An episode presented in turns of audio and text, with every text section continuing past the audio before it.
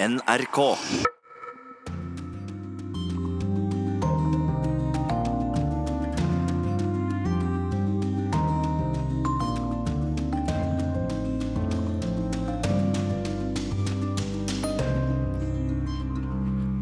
Striden mellom atommaktene India og Pakistan uroer en hel verden. Etiopias nye statsminister har satt fri tusenvis av politiske fanger. Vi møter en av dem. Australske journalister sto i fare for å bli arrestert dersom de rapporterte om overgrep i den katolske kirken. But Australian journalists have been at risk of imprisonment if they published any details of the case. Frustrert fordi de dekket det som utvilsomt var årets største nyhetssak, uten å kunne rapportere om noe av det som ble sagt. Gjorde de det, kunne de havne i fengsel. Spania har tatt over for Italia som inngangsporten til Europa. I ukens korrespondentbrev forteller vår nye Afrika-korrespondent om dramatikken den dagen terroren rammet Nairobi i januar. Den unge mannen fortsatte å snike seg bort til broa for å redde venner og kollegaer. Det gjorde så sterkt inntrykk å se på dem som risikerte livet for å redde andre. Jeg tenkte at midt i alt dette onde som foregikk på den ene siden av broa, så var det godhet på den andre. Vel møtt til en time utenriks i studio Dag Bredvei. Vi starter sendingen om det spente forholdet mellom India og Pakistan, som har dominert nyhetsbildet denne uka. Det omstridte området Kashmir har vært rammet av skuddvekslinger, flyangrep, og flere hundre familier er evakuert. Det at begge land har atomvåpen gjør at omverdenen er svært urolig. Og korrespondent Sissel Wold i Istanbul, hvordan er situasjonen nå denne lørdag formiddagen? Ja, Mange håpet jo at eh, ting skulle roe seg etter at Pakistan overleverte piloten Abdi Nandan, 21, eh, i går kveld. Men i natt så har også begge parter skutt mot hverandre. Og politiet, eh, både indisk og pakistansk politi, melder om at en mor og to av hennes barn ble drept på indisk side, og en gutt ble drept på pakistansk side. Og begge parter sier at det var den andre som begynte. Men nå utpå eh, formiddagen så skal det være roligere. Det virker som statsminister Khan i Pakistan ønsker å roe ned situasjonen, mens statsminister Modi i India bruker en mer krigshissende retorikk, og stemmer det? Ja, eh, Statsminister Modi sier at eh, å få tilbake diplomaten, eh, piloten var en diplomatisk seier, og at India kommer til å fortsette å bekjempe terrorgrupper i Kashmir.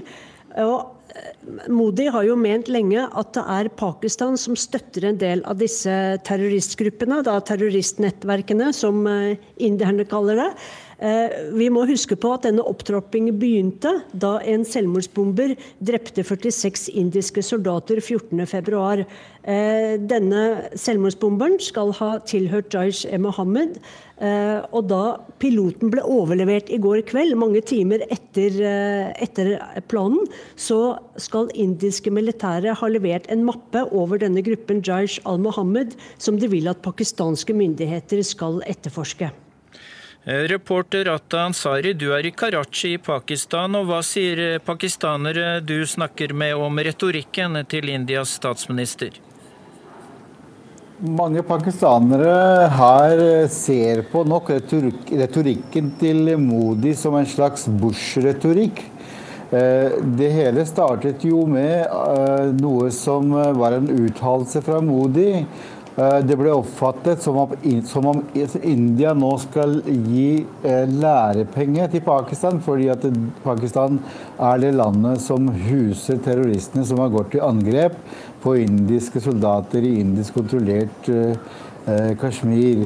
Så det er nok en klar og tydelig mening her i alle fall om at det er Modi som er krigshisseren, og at det er Modi som på en måte istedenfor å roe ned situasjonen og, og komme da ty til dialog og prøve å få til en, kanskje en felles etterforskning og noe sånt noe, så har han istedenfor da truet Pakistan både verbalt, og så gikk han jo da til da, angrep med flyvåpenet og bombet da mål i, i, i Pakistans kontrollert Kashmir. Eh, du er i Pakistan denne uka fordi du har deltatt på en workshop med pakistanske journalister de siste dagene. og Hva sier de om situasjonen? Altså, De første dagene så snakket nok journalistene veldig mye om uh, dette med hvilke bevis har India for at det er Jaish Mohammed som står bak, og at pakistanske myndigheter da i andre omgang støtter dem. De var veldig ute etter uh, å få noe svar på det. altså om Kan ikke India legge fram noen fakta rundt dette? Det andre som de har vært opptatt av, det var uh, dette, første flyangrepet, hvor da indiske pressetalsmann uh, i Delhi hevdet at, de, at dette, i dette angrepet så ble veldig mange islamister og jihadister drept. Og da har man etterlyst da bilder av og mer fakta rundt dette. For det er ingen her i Pakistan som tror på at dette første angrepet førte til da noen som helst ødeleggelser som uh, man kan si at nå er jihadistene blitt uh, et mål. Utenom dette så har nok veldig mange journalister her også vært opptatt av å Eh, roe ned situasjonen. De har eh, I de fleste TV-programmene så ser jeg at folk blir invitert for å snakke om hvordan kan man komme seg ut av denne situasjonen, istedenfor å snakke om at hvordan kan vi på en måte best mulig måte få til en krig som vi kan vinne. De fleste er nok der. Men samtidig så er det nok noen kanaler og noen journalister som også blir en del av de som på en måte da hisser opp til krig. Det er noen mennesker her i Pakistan, noen islamister, noen som er veldig nasjonalistiske, som gjerne vil at det skal bli en krig mellom India og Pakistan. Og de blir da invitert i studio og får, fritt rom til å snakke om, eh, om, om alt dette som skal da virke ødeleggende for en eventuell dialog og forsoning. Det blir meldt om at dette er kanskje den eh, potensielt farligste konflikten i verden i dag. og Hvorfor det, Sissel Wold? Ja, dette er en bitter konflikt eh, som, er, eh, som, går tilbake helt til 1947. Og ingrediensene er jo religion, etnisitet, nasjonalisme, stolthet og ære, og ikke minst atomvåpen. Og dette er selvfølgelig trist, fordi før 1947 så tilhørte jo pakistanere og indiere det samme landet, altså den britiske kolonien India, juvelen i imperiet, som det ble kalt. Samme mat, samme språk, mye av kulturen er felles. Og det er klart at dette er uh, trist. Uh, når det er sagt, så er det veldig viktig å huske at uh, statsminister Modi er i valgkampmodus. Og han står overfor en formidabel motstander, ser det ut som, nemlig Raoul Gandhi. Fjerde generasjon Gandhi. Og før denne opptrappingen så slet han på meningsmålingene. Det lå an til å være 50-50. 50 eh, sjanse, etter det mediene rapporterer. Men etter at han angrep pakistansk side av Kashmir, så har han økt eh, opp, oppslutningen sin betraktelig. Takk skal dere ha, Sissel Wold i Istanbul og Atta Ansari i Karachi.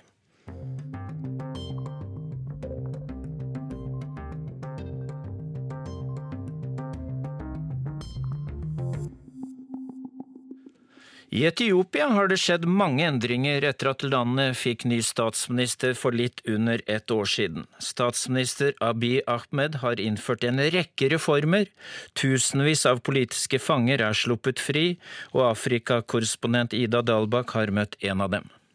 They use the computer power cable and some sticks to beat my body on my legs, and they hit me on my left ear. Abel Vabella holder hånden på det venstre øret sitt. Slagene han fikk mot hodet i det beryktede torturfengselet Makelavi i Etiopia, har gjort ham døv på det ene øret. Han sitter på sofaen på kontoret sitt i sjette etasje, med utsikt over hovedstaden Addis Abeba. Kontrasten er stor til forholdene han levde under i fengselet i 18 måneder. We are locked 724. They were allowing us to go, to go to toilet for 10 minutes in the morning and in the afternoon. Abel forteller om hvordan han var låst inne 24 timer i døgnet, bortsett fra de to gangene han fikk gå på do.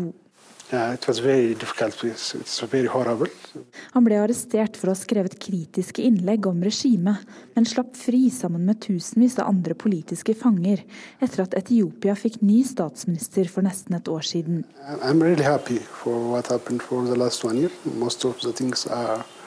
Totally det som har skjedd det siste året er utrolig, sier Abel.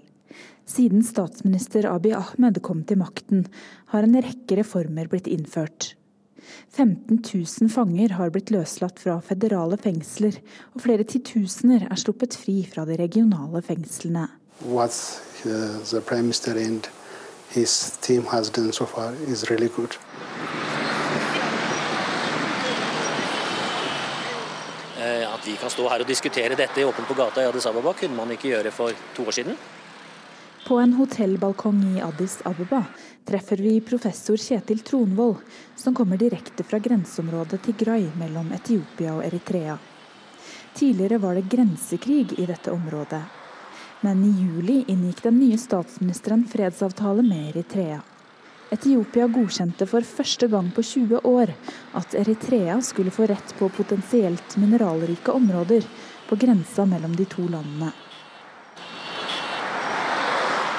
Det er ettermiddag, og gatene nedenfor balkongen er fulle av mennesker som skal hjem fra jobben. Addis Ababa er hovedstaden i den mest folkerike innlandsstaten i verden, som grenser til lille Eritrea i nord, Djibouti i nordøst, Somalia i øst, Kenya i sør og Sudan og Sør-Sudan i vest. Og den største folkegruppen er oromoene, som statsministeren tilhører.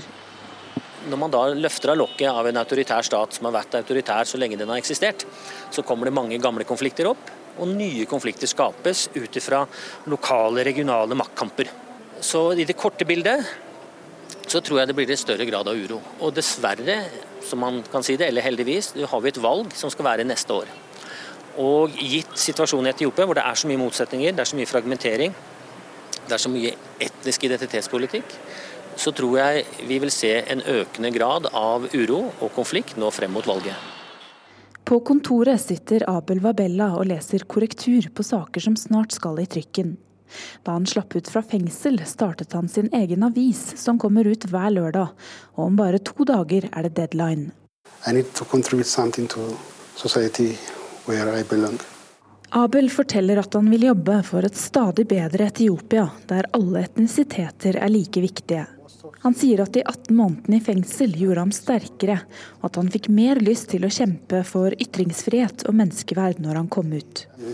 That, I was not sure about the values I stand for, but after that, I clearly understand what Abel thinks about himself and the world.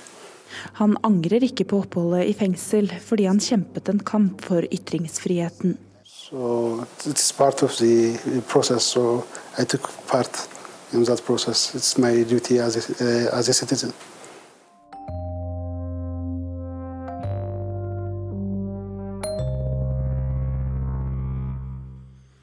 En stor nyhet denne uken har vært kardinalen i den katolske kirken som er funnet skyldig i seksuelle overgrep i Australia. Men i Australia fikk ikke landets journalister lov til å dekke saken. De risikerte fengselsstraff hvis de gjorde det. Reporter Wenche Eriksen gir oss svaret på hvorfor.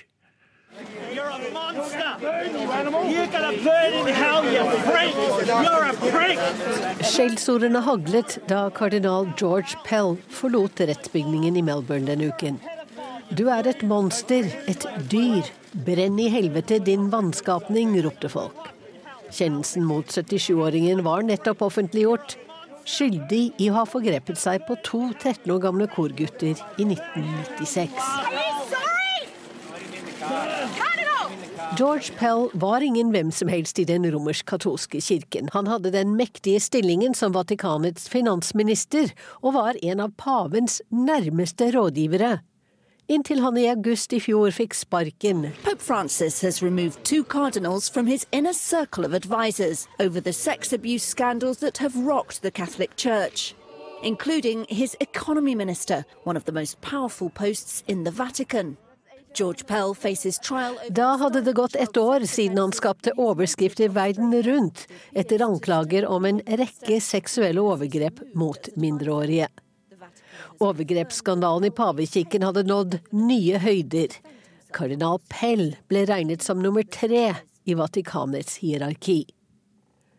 Men så ble det stille.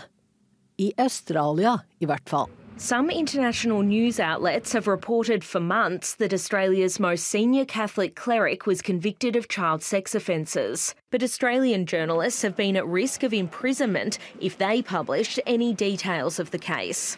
I flere måneder i fjor satt frustrerte australske journalister fra kringkasteren ABC og andre medier i en rettssal i Melbourne frustrert fordi de dekket det som utvilsomt var årets største nyhetssak, uten å kunne rapportere om noe av det som ble sagt. De hadde ikke engang lov til å fortelle at rettssaken mot kardinal Pell fant sted. Gjorde de det, kunne de havne i fengsel. Det hadde en dommer i delstaten Victoria sørget for ved å utstede en ordre om hemmelighold, en såkalt suppression order noe som slett ikke er uvanlig i Australia når en tiltalt står foran flere rettssaker, slik Pell gjorde. Argumentet er at det som skjer i én rettssak, ikke skal påvirke det neste. There is the uh, critical importance of ensuring that an accused person gets a fair. The. På den ene siden har den tiltalte krav på en rettferdig rettssak. På den annen side har offentligheten rett til å vite hva som skjer, sier Matt Collins i Advokatforeningen i Victoria til ABC. Australske medier fulgte publiseringsforbudet, men protesterte så godt de kunne. Den australske avisen The Daily Telegraph skrev dette på sin forside. En grusom forbrytelse, personen er skyldig, du har kanskje lest det på nettet, likevel får ikke vi skrive om det. Men stol på oss, dette er den største saken i landet. Det siste sto med store krigstyper. Det gjorde også overskriften Sensurert på den ellers svarte forsiden til the Herald Sun. Despite the media blackout on Pell's trial, a simple internet search was all it took to learn the outcome. So Man kan som australske ABC spørre hvor effektivt publiseringsforbudet er. Det var overhodet ikke vanskelig å søke på nettet den 12. desember i fjor og finne ut at en enstemmig jury hadde funnet kardinal George Pell skyldig i seksuelle overgrep mot to 13 år gamle korgutter. Det kunne man lese hos The Washington Post, The Daily Beast og de amerikanske jesuittenes nettsted. For ikke å snakke om på sosiale medier. Men det er altså først nå, to og en halv måned etter kjennelsen, at australske medier får lov å rapportere at han som var en av pavens nærmeste rådgivere, trolig kommer til å tilbringe resten av livet i fengsel pga. sexovergrep mot barn. Og den eneste grunnen til at australske medier endelig kan dekke den store nyheten nå, er at den andre rettssaken mot Pell er avlyst.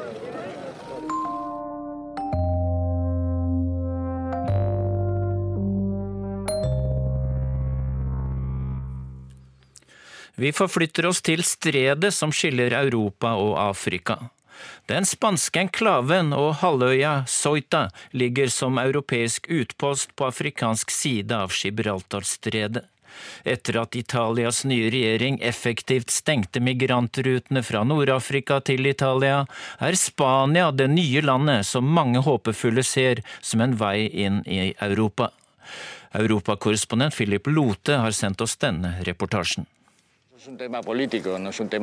Alfonso Cruzado, grensevakt og pressetalsmann for Guardia Civil i Soita, er litt for erfaren til å la seg lokke inn i spansk politikk. Vi jobber med det vi har. Hva vi har å jobbe med, det er opp til politikerne i Madrid og EU, sier grensevakten, mens han viser oss det piggtrådkledde gjerdet som i to lag og med fem meter ingenmannsland skiller Spania fra Marokko.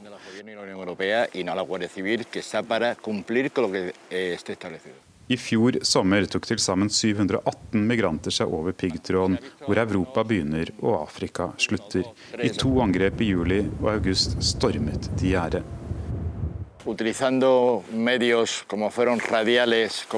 De brukte verktøy som elektrisk sag, avbitertang og slegger. De klarte å åpne flere hull både i første og andre del av gjerdet, sier grensevakt Alfonso Cruzado. Ibrahim var en av 718 som kom seg igjennom. Vi treffer han på et mottak i Soita.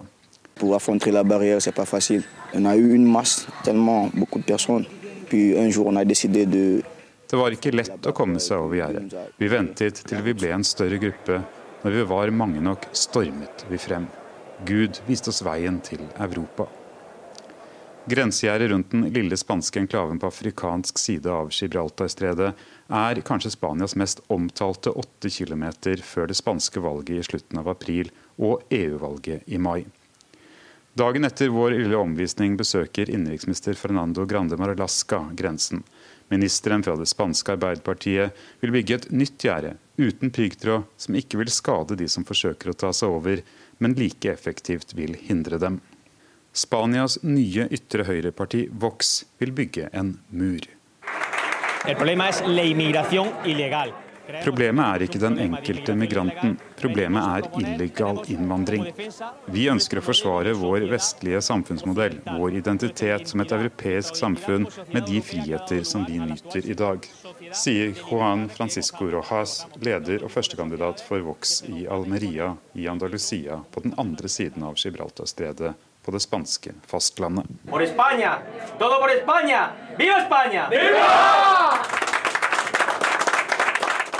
Vox er kun fire år gammelt som parti. I desember fikk de 10% av stemmene i regionvalget i Andalusia og sitt gjennombrudd i spansk politikk. Noen få mil over stredet på den andre siden av inngangen til Middelhavet stemmer tradisjonelt de fleste av Soitas litt over 80 000 innbyggere på det konservative Partido Populær. Men den ene av byens to representanter i senatet i Madrid innrømmer at Vox er blitt en utfordrer også i Soita. Vi frykter populisme generelt.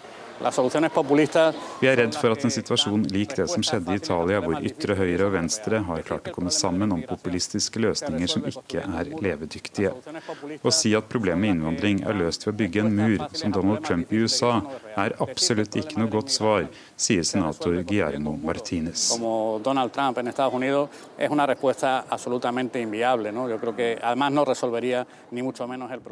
Martinez benekter ikke at resultatet etter valget i Spania kan bli bli at hans eget konservative parti går inn i en regjering sammen med Vox, på samme måte som det har gjort i regionen Andalusia. Endringene i innvandring til Europa har det siste året endret det politiske bildet i Spania og Europa.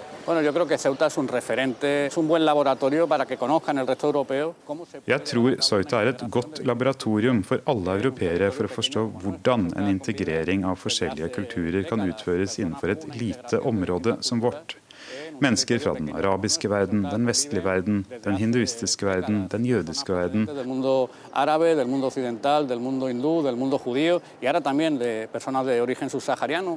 Og nå også mennesker fra sør for Sahara lever i Soita. Vi gjør det harmonisk og fredelig. Det Soita ikke ønsker, er å bli en slags konteiner for innvandrere. Soita har ikke den fysiske kapasiteten eller evnen til å absorbere all innvandring fra sør for Sahara. Det vi ber om er solidaritet fra resten av Spania, og at resten av Europa bidrar til å finne felles løsninger.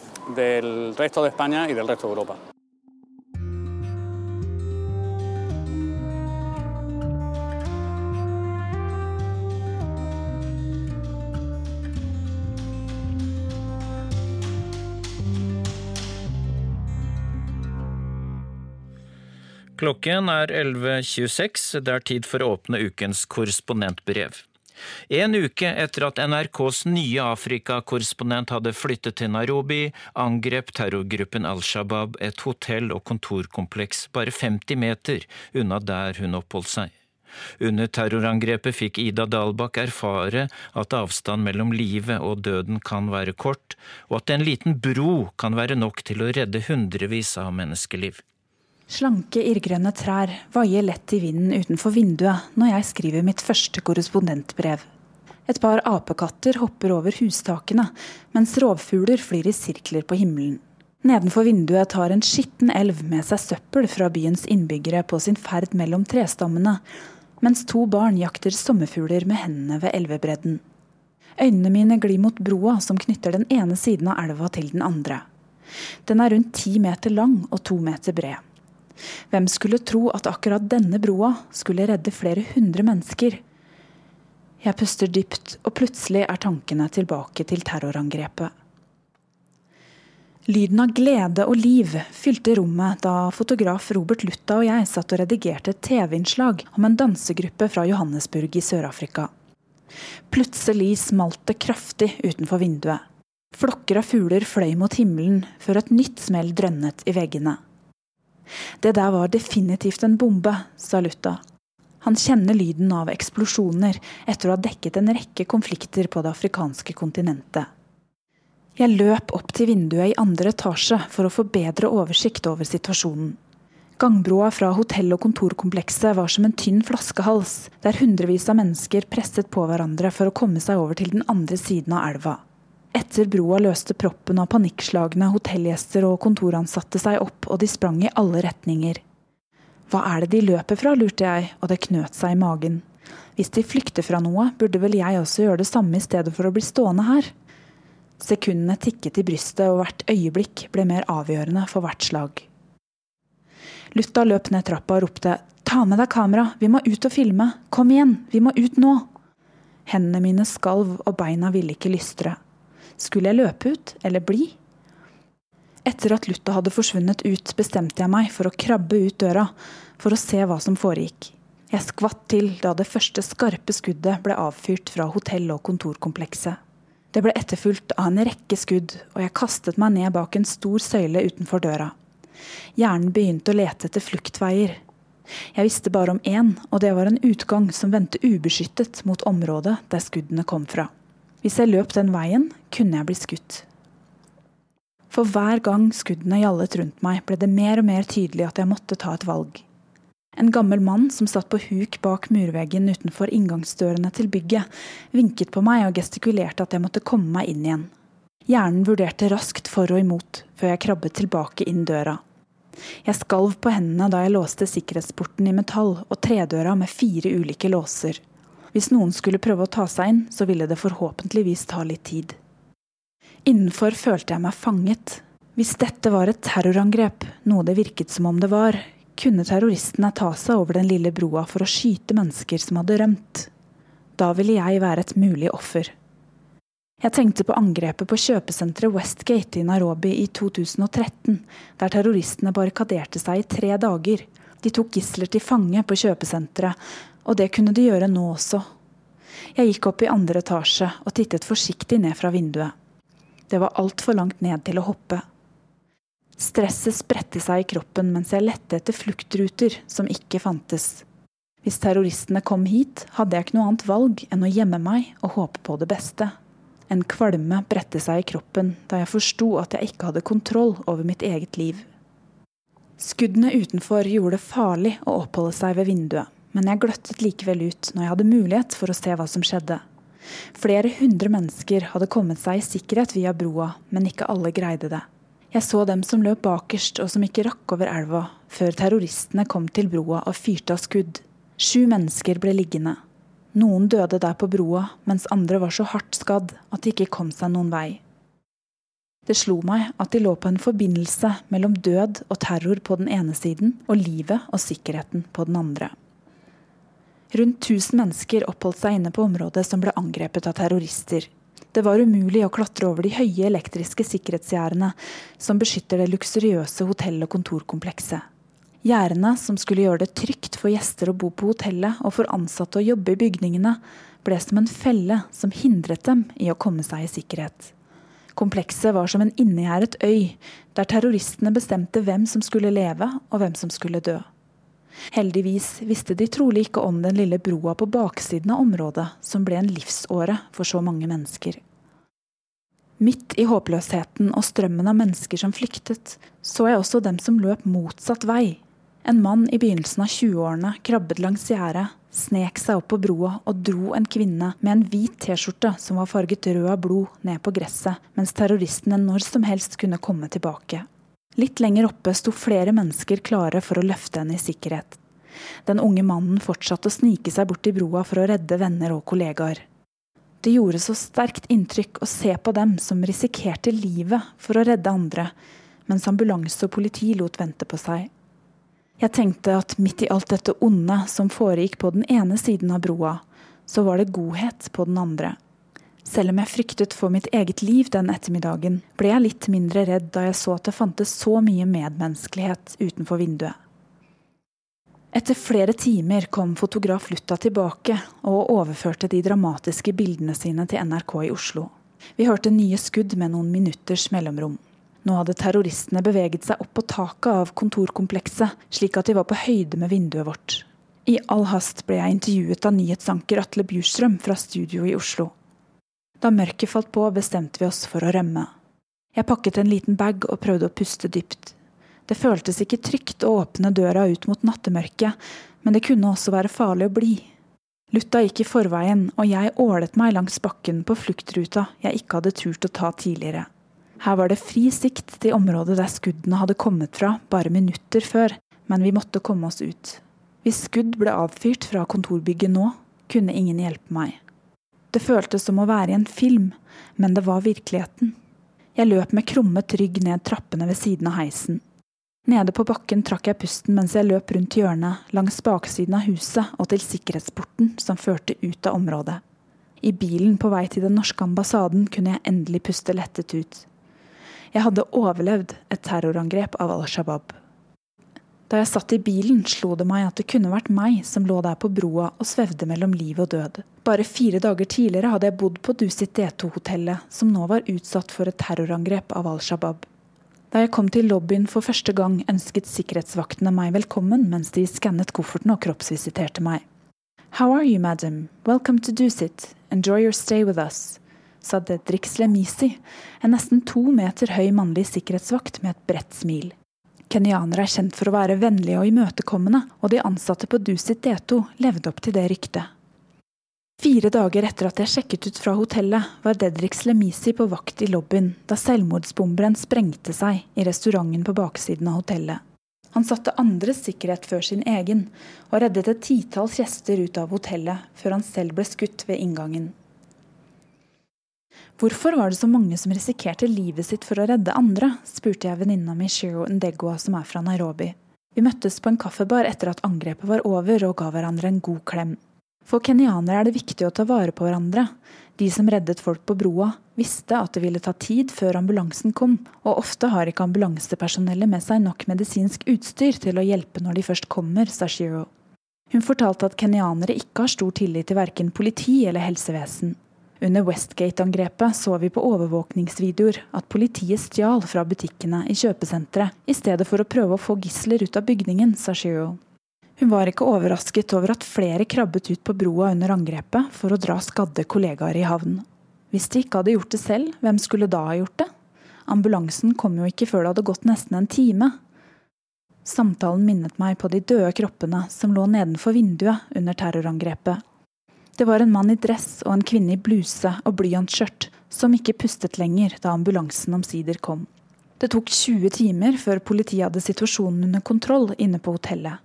Noe slikt ville trolig ikke skjedd i Norge, tenkte jeg. Det ville aldri tatt en time før ambulansen var på plass dersom et terrorangrep rammet et hotell i Oslo sentrum, og politiet ville trolig ikke brukt nærmere et døgn på å få kontroll over situasjonen. Samtalen med Shiro ga meg en bedre forståelse av heltemotet jeg hadde sett den dagen, men også av at tilliten til helsevesen og politi i Kenya ikke er som i Norge. Det har gått noen uker siden angrepet, men jeg reagerer fortsatt når fuglene flyr raskt mot himmelen. De fem timene med jevnlige skudd utenfor vinduet, uten mulighet til å komme meg ut, har satt sine spor. Trolig blir jeg mindre skvetten med tiden. Akkurat nå sitter rovfuglene rolig på greinene utenfor. Det er ikke mye som minner om et terrorangrep her lenger. Blodflekkene på asfalten er vasket bort, og knuste mobiltelefoner, sko og vesker er fjernet. Om ikke så lenge skal broa som ble flere hundre menneskers livslinje, åpnes igjen. Livet går videre, også etter et terrorangrep av Al Shabaab, som tok minst 21 menneskeliv. Mitt første møte med Kenya var en ilddåp som introduserte meg for flere av menneskets mørke sider. Men hendelsen gjorde også at jeg raskt fikk lære å kjenne hva som bor i kenyanere. De er ikke bare varme og hyggelige når du sjekker inn på et hotell, som sikkerhetsvakten Dedrik Slemisi med det store smilet. Jeg har lært at de gjør det de kan for å redde kollegaer og venner i livsfarlige situasjoner, og når hjelpen fra myndighetene lar vente på seg. Jeg har også fått erfare at livet er skjørt, men at en liten bro kan være nok til å redde liv. Og at midt blant terror og død finnes det håp og menneskelig varme. Det håpet tar jeg med meg videre inn i jobben som NRKs nye Afrikakorrespondent. De reiste til Syria og sverget troskap til IS. Nå er det ingenting igjen av den islamske staten, og fremmedkrigerne vil hjem.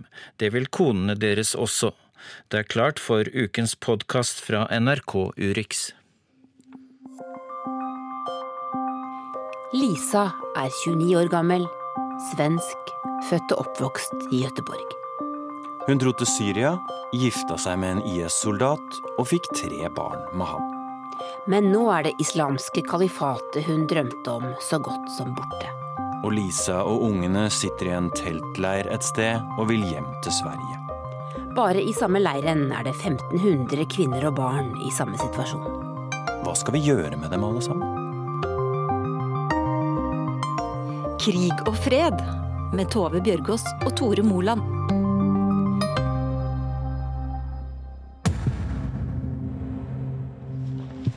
Jeg vil så gjerne komme hjem til Sverige. Jeg bare savner normalt liv og se mine barn leke med normale leksaker. Jeg vil ta mine sønner til skole og dagis. Jeg vil gå og handle på Willys og vi, vi, vi, har snakket med Lisa lenge, uh, gjort et uh, stort intervju. Og, og det, det, hun sa Eirik spurte ja, jeg angrer på at du kom hit, og da, og da sa hun til oss at jeg angrer at jeg kom hit, men jeg angrer ikke at jeg stifta familie. Jeg angrer ikke at jeg giftet meg og har fått barn. Og så på spørsmålet om hun, hvorfor ble hun en del av IS, hvorfor valgte hun å bli medlem av IS, en terrororganisasjon som alle hater, som har gjort så mye ondskap. Og da svarte hun slik Jeg ble ikke en del av khalifatet. Khalifatet ble en del av meg. Lisa sitter nå i en interneringsleir. Den heter Al-Hol. Befinner seg nordøst i Syria. Der sitter hun i et telt sammen med sine to gutter på tre og fem år. Ønsker å komme tilbake til Sverige, men det er usikkert om hun noen gang vil kunne forlate leiren. Eirik Veum, jeg er journalist i NRKs utenriksredaksjon. Jeg er Mohammed Alayoube. Jeg er fotograf og journalist i NRK.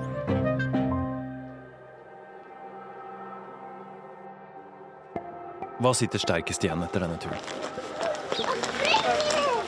Det som gjorde mest inntrykk, det er de barna. Hvordan de har det nå. De er uh, ulykkelige. De er traumatiserte. De er skitne, sultne, syke. Det å se en treåring som ikke forstår noe av det som skjer, som har opplevd krig på nært hold, som har lært hvordan man skal bli terrorist fra barnet var nyfødt, det, det gjør inntrykk av å se hvordan disse menneskene og disse barna har det nå. Uansett hva foreldrene deres gjorde av valg. Jeg har vært i mange flyktningleirer, men akkurat denne flyktningleiren i nord Nordøst-Syria var jo veldig spesielt, fordi du så jo en leir var meget stor. Der flykt, interne flyktninger fra Syria, og så har en egen leir for IS, kvinner og barn. Uh, og de Når du kommer inn, så først passerer, passerer du de uh, ofrene, og så går du inn i en annen leir. Der ser du de skyldige. Vi blir kjent med en uh, ansvarlig for leiren. Hun heter Sara. En ung, vakker kurdisk sikkerhetssjef. Uh, hun serverte oss te og kaffe og kjeks. Og det tok tid, og begynte å snakke sammen. Etter hvert så fikk tak i og intervjuet de to svenske IS-kvinnene. Og da sier hun Sara til oss, Mohammed, husk, de der har vært en del av en terrororganisasjon. Selv om de sitter her og gråter og lei seg, men husk hva de har gjort.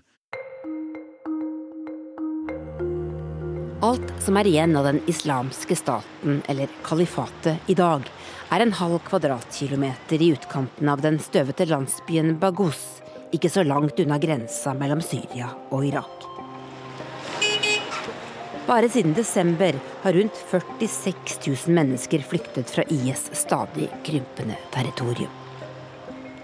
Et territorium som på det aller største ble hevdet å være like stort som Storbritannia.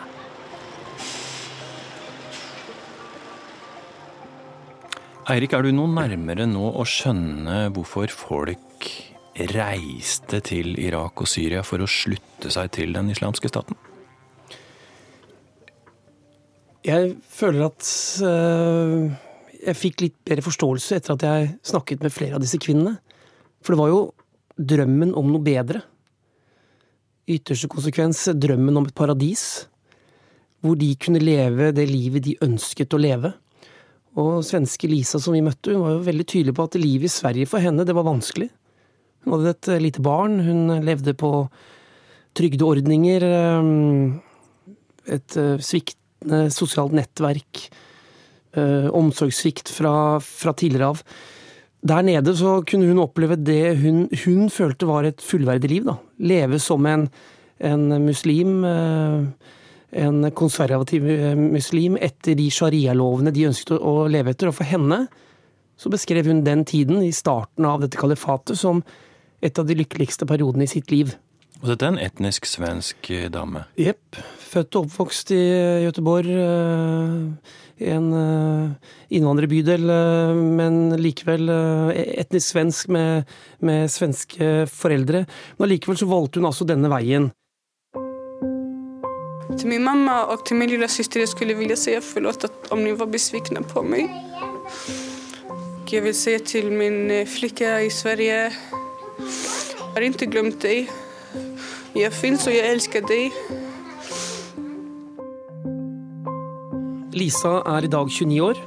Hun fikk barn i veldig ung alder. Hun forlot det barnet og familien sin i Sverige og dro til Syria i 2013.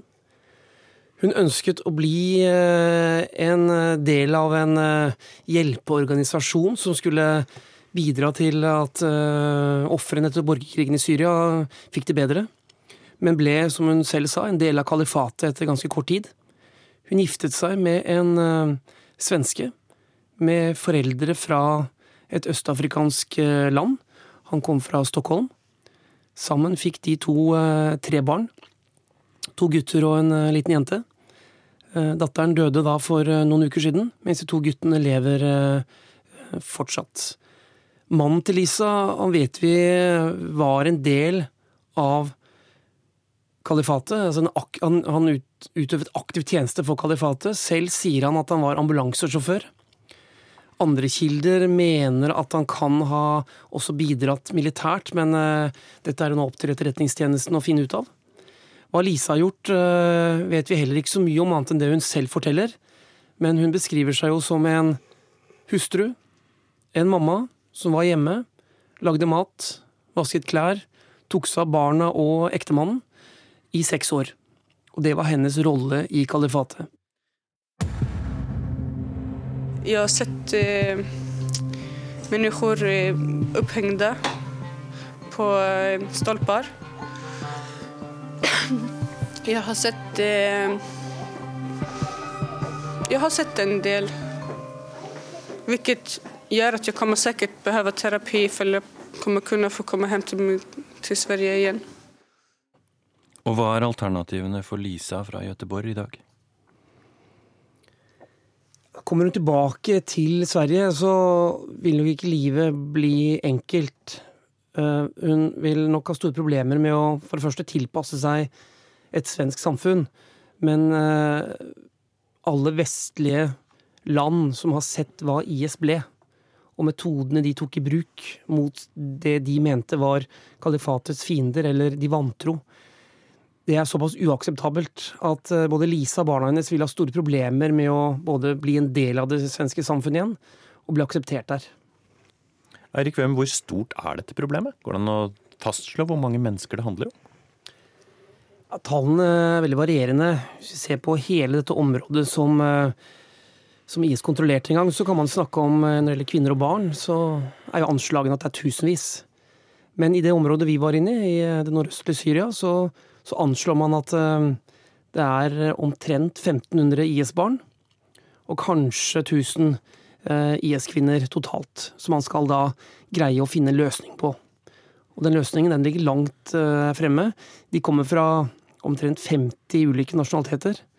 Så um, det er en vanskelig oppgave de har for å, for å greie å løse dette. Og, og, etter hvert som det begynner å dø flere og flere barn, så vil også verdenssamfunnet stiller strengere krav, nok både til kurderne, men også til seg selv, om å finne en løsning her, så det vil tvinge seg frem på et eller annet vis.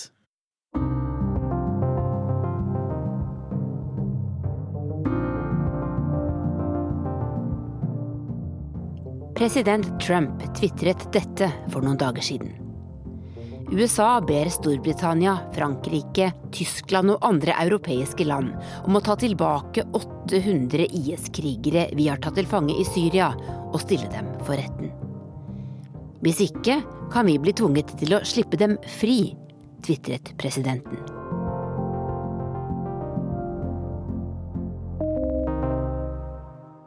frem til sånn 2016-2017 så snakket vi ofte om kvinner som ofre. Disse stakkars IS-brudene har blitt lurt i konfliktsonen. De visste ikke hva de gjorde, de var naive. Mens nå har vi nok endret oppfatningen nå har nok mange endret oppfatningen av hvem disse kvinnene er, og hvilken type rolle de har hatt i IS. Hei, jeg heter Sofie Øgestøl. Jeg er universitetslektor ved Det juridiske fakultet og nettopp blitt ferdig med en doktorgrad i internasjonal strafferett og forsker på krig, fred og forbrytelser. Fremmedkriger var årets nyord i Norge i 2014. Du skrev en bok om det med en flokk andre mennesker i 2017. Jeg har den foran meg her. Den heter ja. 'Fremmedkrigere forebygging, straffeforfølging og rehabilitering i Skandinavia'. Mm. Det var i 2017. Nå har dette blitt høyaktuelt i 2019. Hva gjør vi? Mm. Ja, hva gjør vi? Um, altså, jeg tenker at Det er liksom tre hovedalternativer vi står overfor nå. Og Den første er at vi fortsetter å gjøre det vi har gjort så langt, og det er å gjøre ingenting. Altså, Vi lar eh, de norske fremmedkrigerne bli værende i konfliktsonen uten at vi hjelper dem. Eh, det andre alternativet som har vært mye diskutert, er at vi oppretter en eller annen form for eh, internasjonal spesialdomstol for IS-krigere i eh, Syria og Irak. Men Det blir både tidskrevende, det blir dyrt, men det er noe som er diskutert. Og Den tredje alternativet er jo selvfølgelig at vi henter hjem våre fremmedkrigere. Og Hvis man henter dem hjem igjen, hva er alternativene da?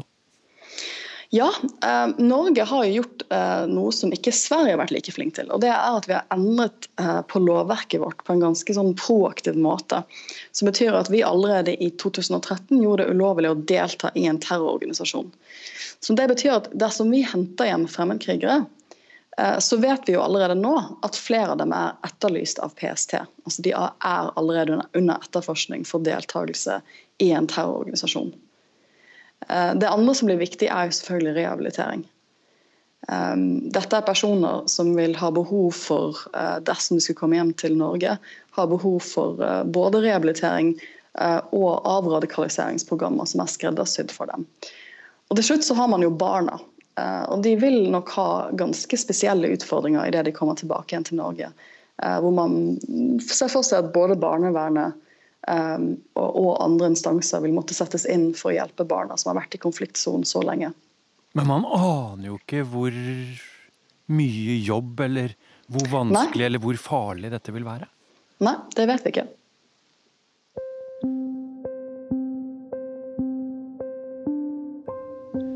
Når vi sier at disse menneskene er farlige, og at vi ikke ønsker dem hjem igjen, så er det kanskje psykologisk forståelig og politisk forståelig.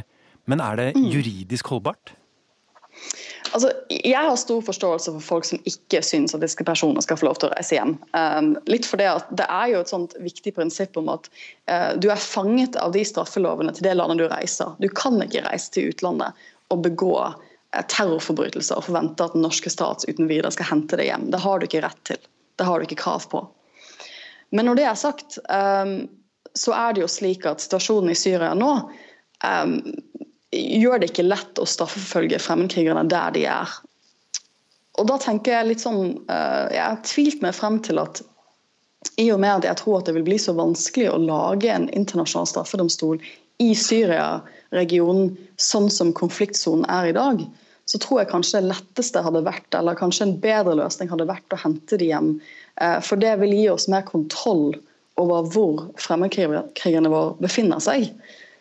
Eh, det som er frykten nå, er at USA trekker seg ut fra Syria, som de er i ferd med. Eh, og det er de som har hatt en ganske viktig rolle i å varetektsfengsle da, i realiteten utenlandske fremmedkrigere i konfliktsonen i Syria. Når de nå trekker seg ut, så er spørsmålet hva skjer med fremmedkrigerne da? Um, vil de kunne uh, havne på frifot igjen, og vil de reise tilbake til Vesten på andre måter? Da har vi ikke kontroll lenger, hvis de gjør det. Hvis vi henter de igjen, derimot, så vet vi hvor de er.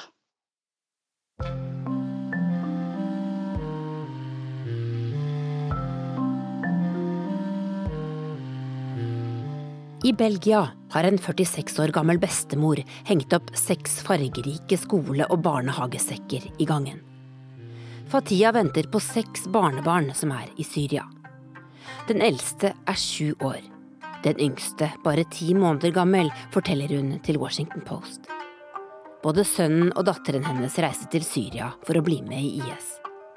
Sønnen er død. Det er datterens mann også. Men Fatias datter og svigerdatter vil gjerne hjem med barna. En dommer i Belgia har bestemt at de alle skal få komme hjem. Det strider mot barnas menneskerettigheter om de må reise hjem uten mødrene sine, sier dommeren. Men belgiske politikere er bekymret og vil anke. Men kan vi ende opp i å stå i en konflikt mellom politikere som har lyst til å si at nei, nei, nei, disse menneskene vil vi ikke ha tilbake til landet vårt, Eh, og domstoler som sier at vel, de har faktisk sine rettigheter de også, så de må pent få lov å komme tilbake? Ja, det, det er jo det vi ser i noen land, deriblant eh, Belgia. Eh, det er også veldig spent på å se hva som skjer nå i England, hvor man har valgt å frata en del fremmedkrigere britisk statsborgerskap. Det er jo utvilsomt noe som vil bli klagd inn for domstolene der nå, om man uten videre kan gjøre det. Så jeg tror at du vil se den økende splittelsen hvor en del mennesker vil prøve å bruke rettsvesenet til å hente hjem familiemedlemmene sine. Og politikere som ikke ønsker å hente hjem fremmedkrigere. Men må alle landene som har fremmedkrigere bli enige her, eller kan alle behandle sine egne fremmedkrigere på den måten de selv vil? Det er et godt spørsmål. Altså, en forskjell mellom for Norge og Sverige da, er at Sverige ikke har vært like flink til å, til å, gå inn og endre lovverket sitt. Så Sverige er i den litt sånn uh, ugunstige posisjonen nå at de har ikke kriminalisert det å være deltaker i en terrororganisasjon. Så dersom Sverige henter hjem sine fremmedkrigere, så er jeg litt usikker på om de kommer til å greie å straffølge dem. Ja, Hva betyr det for Lisa, som vi så i eh, Eirik Veum og Mohammed Alayobis reportasje f.eks.? Ja, altså, jeg, tenker at Det betyr i realiteten at det er ikke straffbart det har ikke vært straffbart så langt i Sverige å delta i en terrororganisasjon som IS. Og Det betyr at Sverige da må prøve å straffefølge fremmedkrigerne for, for underliggende krigsforbrytelser. At de må bevise at dette er personer som har begått krigsforbrytelser. Men det å hente ut bevis fra Syria for at en person har deltatt i en krigsforbrytelse, det er kjempevanskelig. Så det vi ser i Sverige er at det er veldig få som har blitt straffeforfulgt. Og de som har blitt straffeforfulgt, de har blitt straffet for eh, likkjending. Altså det å, eh, de har tatt bilder av seg selv med døde kropper, og det er det man straffefølger de for. For det er det man har bevis for gjennom disse bildene. Så Det betyr at Sverige kommer til å være i en dårligere posisjon enn i Norge når det kommer til å hente folk hjem.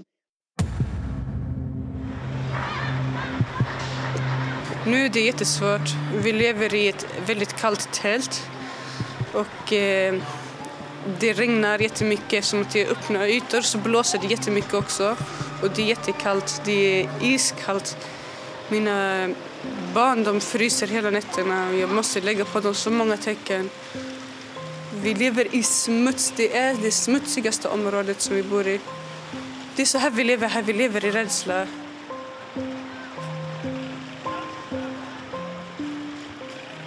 Historien har vist at ondskap kan tilgis, men aldri glemmes. Og det er sikkert også tilfellet for, for, det som vil ligge i, i, dette området etter at nå IS er nedkjempet eh, og, eh, og man får et sluttoppgjør. Så er, det, så er, det, jo viktig at man tilgir. Hvis ikke så kommer man ikke videre. Men det må jo aldri glemmes. Det er, det er helt riktig. Det er helt riktig. Og så er det jo mm, en rekke interessante dilemmaer som dukker opp nå etter hvert. Hva hvis disse barna og kvinnene kommer tilbake til Norge, Sverige, Danmark, fredelige, vestlige, moderne samfunn? Hvilken barnehage skal de barna få gå i? Hvilken skoleklasse? Hvilken kommune skal være i stand til å håndtere de traumatiserte kvinnene og barna når de kommer tilbake hit? Her er det altså barn som har lært hvordan man skal drepe på en mest mulig effektiv måte, eller en mest mulig inhuman måte. Hvordan skal vi la de bli en del av det norske samfunnet, og er vi i stand til å håndtere det? Det er jo interessante dilemmaer som vil komme som neste kapittel når sluttoppgjøret er ferdig. Du har hørt podkasten Krig og fred fra NRK Urix. Urix på lørdag er slutt. Teknisk ansvarlig Hanne Lunås, produsent Morten Røkeberg og jeg, Dag Bredvei, takker for følget.